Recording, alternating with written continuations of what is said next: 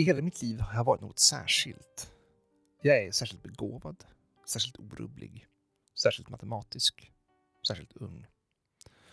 Så snart nyheten släpps om att jag valt KTH för min doktorsavhandling ringer kommunikationschefen upp. Hon säger kort Lyssna. Jag hör hur applåder varvas med spontana hurrarop. Det ekar. Jag uppskattar antalet deltagare till 50 personer, plus minus tre. Det står nära ett trapphus. Takhöjden är gott och väl fyra meter. Det är måndag förmiddag. Sannolikt ett institutionsmöte. Jag är en punkt på ett dagordning. Jag är talangen som skrivit kontrakt. Alla vet som jag att Kungliga Tekniska Högskolan enbart är en mellanstation. Att min begåvning är i paritet med forskarna från Harvard eller MIT eller Oxford. Vi är människor som knäcker mänsklighetens stora gåtor, lägger mönster till mönster och erbjuder sikt i ett nytt ljus. Jag möter kollegorna face to face vid ett cocktailparty. Professorsvillan är insprängd mellan flerfamiljshusen. Rosigt dekorerade järnstaket. En väldig gårdsplan med finkrattat grus. Porten i mörkt trä med renmotiv som ger en touch av nationalromantik. Jag har blivit ombedd att använda sent. Redan när jag stiger in för att hänga av mig kastar sig en okänd farbror om min hals och vrålar ”Underbarnet!” Andedräkten stinker av Campari. Skjortan ligger luftig över huden. Han håller mig under armen jag leds in i salongen. Alla tittar. Det börjar på det viset. Men det fortsätter med vardag. Jag visas runt i korridoren av receptionisten Dinesh. Han följer ett schema, ger mig pinkoder till avgörande system, en PC och laptop, nyckelbricka och lägger till mig som användare på mejlinglistor och skrivare. Allt förklaras som om proceduren genomfördes för första gången. Vi stannar till sist vid en dörr. En av alla. En dörr bara. Är detta mitt rum? frågar jag. Är det något fel? Nej, eller jo, jag trodde på något mer rymligt, pråligt, enskilt. Ja, allt det där. Så här ser doktorandens kontor ut. Mm, jag ser det. Vad jag får? Några kvadratmeter som är mina från och med nu. Hon den tidigare, den nyligen promoverade, flyttade ut så sent som igår, säger man mig. Konkade banankartonger till hyrbilen och satte av till prekariatet. Nu är det min tur. Det kommer inte att ta sex år som för min företrädare, men åtminstone två. Jag radar upp referenslitteraturen och några tomma pärmar bland hyllorna. Och det känns bättre. Testar stolen. Ja, den bär mig. Den ska ta mig igenom det här. Det här. Hur ska jag börja? I vilken ände ska mina studier ta vid? Jag är inspirerad visst, men det är bara att det här kala ytorna och nästan nakna bokhyllorna orsakar ett intresse. Ett annat intresse.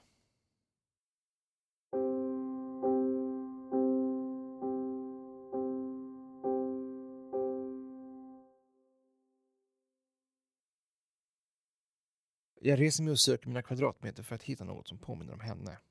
Astrid Israelsson. Det är namnet som fortfarande pryder rumsdörren i typnamnet Helvetica Neue Light. Det har jag inte haft tid att skrava bort henne bara. Promoveringen ska ha varit vacker men också sorgesam. Hon höll ett plågat tal tydligen. Jag vet inte vad jag letar efter. Ett hårspänne? En post-it-lapp med telefonklotter? Eller kanske en stressboll? Under skrivbordsunderlägget finner jag ett brev. Eller inte riktigt ett brev. En nekrolog. AI, född i Stora Tuna församling, har lämnat institutionen vid en ålder av 37 år. Hon ansågs vara en av de mer tongivande deltagarna vid torsdagsfikat, såväl med sina udda samtalsämnen som med sina hembakade sockerkakor. Hon var också en idog presentpengsinsamlare vid jämna födelsedagar. Därförutom var hon så snar att påpeka om någon av doktoranderna hade missat att knäppa knappar i skjortan eller ifört sig sin pullover ut och in. När hon inte hängde över luntor om bolisk algebra hade hon för vana att fundera ut udda practical jokes av karaktären kallar kollegan Ylva för Alva under en hel arbetsdag. Framtiden för Astrid tycks oviss, men i och med doktorstiteln har hon hopp om att åtminstone ge sken av framgång i sin LinkedIn-presentation. Jag viker ihop pappret försiktigt, som om det vore viktigt att ingen hade sett att jag tagit del av innehållet. Tystnad i korridoren. Jag har ju varit tidig. Ivrig att sätta igång, men nu. Jag vet inte hur jag ska kunna räkna på det här. Som bekant finns det inget viktigt i världen som vi inte kan räkna på. Jag återkommer till det. Om det inte går att räkna ut är det således inte viktigt. Och om det inte är viktigt finns det ingen anledning att räkna på det. Men detta. Fortfarande har jag inte fått svar på kvantifierbara variabler som vilket ämne som var föremål för hennes avhandling eller vilka slutbetyg hon hade erhållit på gymnasiet. Dessa tankar sysselsätter mig dagen igenom fram tills det mörknar och jag sticker ut i den kalla Stockholmskvällen och vankar stilla hem till min yteffektiva enrummare med kokvrå vid Sveaplan. Imorgon kommer allt att bli bättre. helt säkert bättre. Jag är inte rekordung, men jag är yngst. På intervjun med kommittén har jag förklarat mig som en saklig person. Jag kommer till saken. Jag vet som alla att diskussionen kommer att gå ut på att övertyga mig om huvudstadens fördelar. Att det är på Valhallavägen jag kommer att få tillräckligt med omnämnanden i vetenskapliga tidskrifter för att ta mig vidare till den på sikt oundvikliga professuren. Kommittén frågar svävande om mitt intresse för algoritmer och jag svarar att jag ser dem som en förlängning av naturen. Alltså ett intrikat system av koder som vi står i begrepp att dechiffrera. Vi människor lämnar ifrån oss små spår och signaler hur vi än gör. Dessa är mätbara. Svettning, andning, blodcirkulation i hjärnans olika areor, ord och knapptryck. Min roll är att binda samman tanke och handling till en helhet varefter vi begriper oss själva. Algoritmen ljuger aldrig, förklarar jag. Vi måste lita på algoritmen, säger jag. Vi kan räkna på allt, säger jag. Vi måste bara tro. Vi måste tro. Och jag tror. Jag vet. Kollegor i fikarummet säger att Astrid twittrar svamligt. Hon har yrat om privata problem av typen hon finner ingen anställning. Hennes andrahandskontrakt har löpt ut. Hon har sålt sin moped.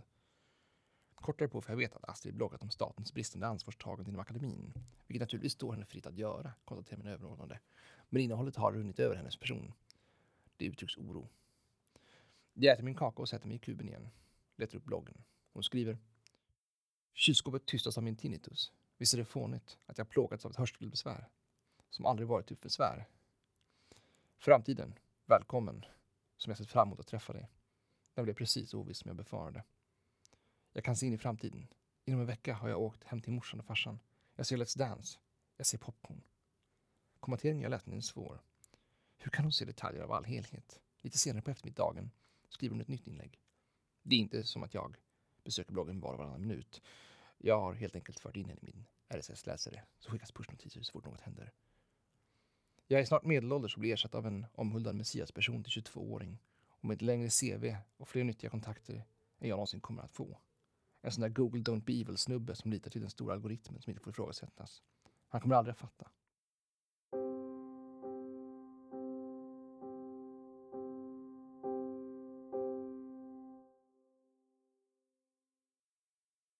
Hon har inte fått några kommentarer på sina inlägg. Hon har av någon anledning inte infört den valbara like-funktionen.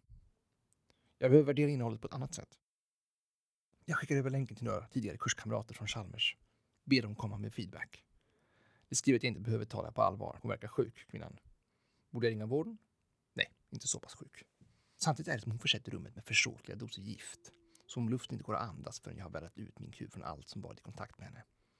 Jag reser mig på nytt, letar bland hyllorna efter något som jag kan föra till ekvationen. Efter en halvtimme hittar jag under skrivbordsskivan en fasttejpad liten ask försedd med genomskinlig turkos plast. Det står något. Minidisk. Jag har hört talas om fenomenet. Tackar på oss granndoktorander och frågar efter en spelare till den lilla plattan. Har det före receptionen, säger alla. Och jag vandrar dit. Nej, säger Dinesh. En sån där var det länge sedan vi hade. Men det kan finnas någon i förrådet. Har du nyckel dit? Tyvärr inte. Vandringar genom enorma kulvertar förbi plåtdörrar. Han hastar upp en nyckelknippa med en möda som jag inte riktigt uppmärksammar men vagt anar och vrider om. Längst in i hörnet finns en låda märkt radioutrustning. Han sliter upp den och under några sladdar och mikrofoner tio minidiskspelare från Sony. Studenterna använder dem för, för intervjuer sina uppsatser. Är det okej okay med att ta med mig en upp så jag kan lyssna i kuben? Jag menar kontorsrummet. Alla säger kuben. Att det är ingen fara.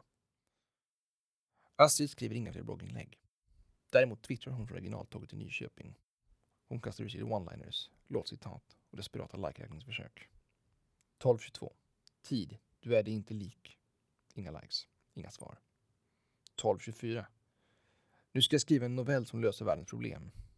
Inga likes. Inga svar. 12.30. Vagnhärad. En like. Jag äger ett Twitterkonto sedan några år tillbaka. Det har 2498 följare, men jag följer själv ingen annan. Jag har heller inte skrivit några egna inlägg. Konton är mest ett bra att ha utifall att. Och nu är det bra att ha. Jag skriver till henne. 12.35. Jag ska snart lyssna på din minidisk. Hon twittrar in med den dagen. Jag har möjligen brutit mot en oskriven regel som jag inte förstår mig på ännu. Men snart. Den lilla plåtmaskinen förses med batterier. Jag kan lyssna nu, men jag vet inte om jag törs. Det är som jag står i begrepp att inleda en relation med ett främmande väsen. Som jag fingrar på en första cigarett. Eller som om en kvinna närmar sig mig med sin åtrå. det lilla plasthöljet med den fragila tunna skivan. Jag trycker in den i den riktning som pilen visar. Pressar med ett klick ihop maskinen. För hörlurarna till öronen och letar fram play. Ljudbågarna fyller hörselgångarna. Sång.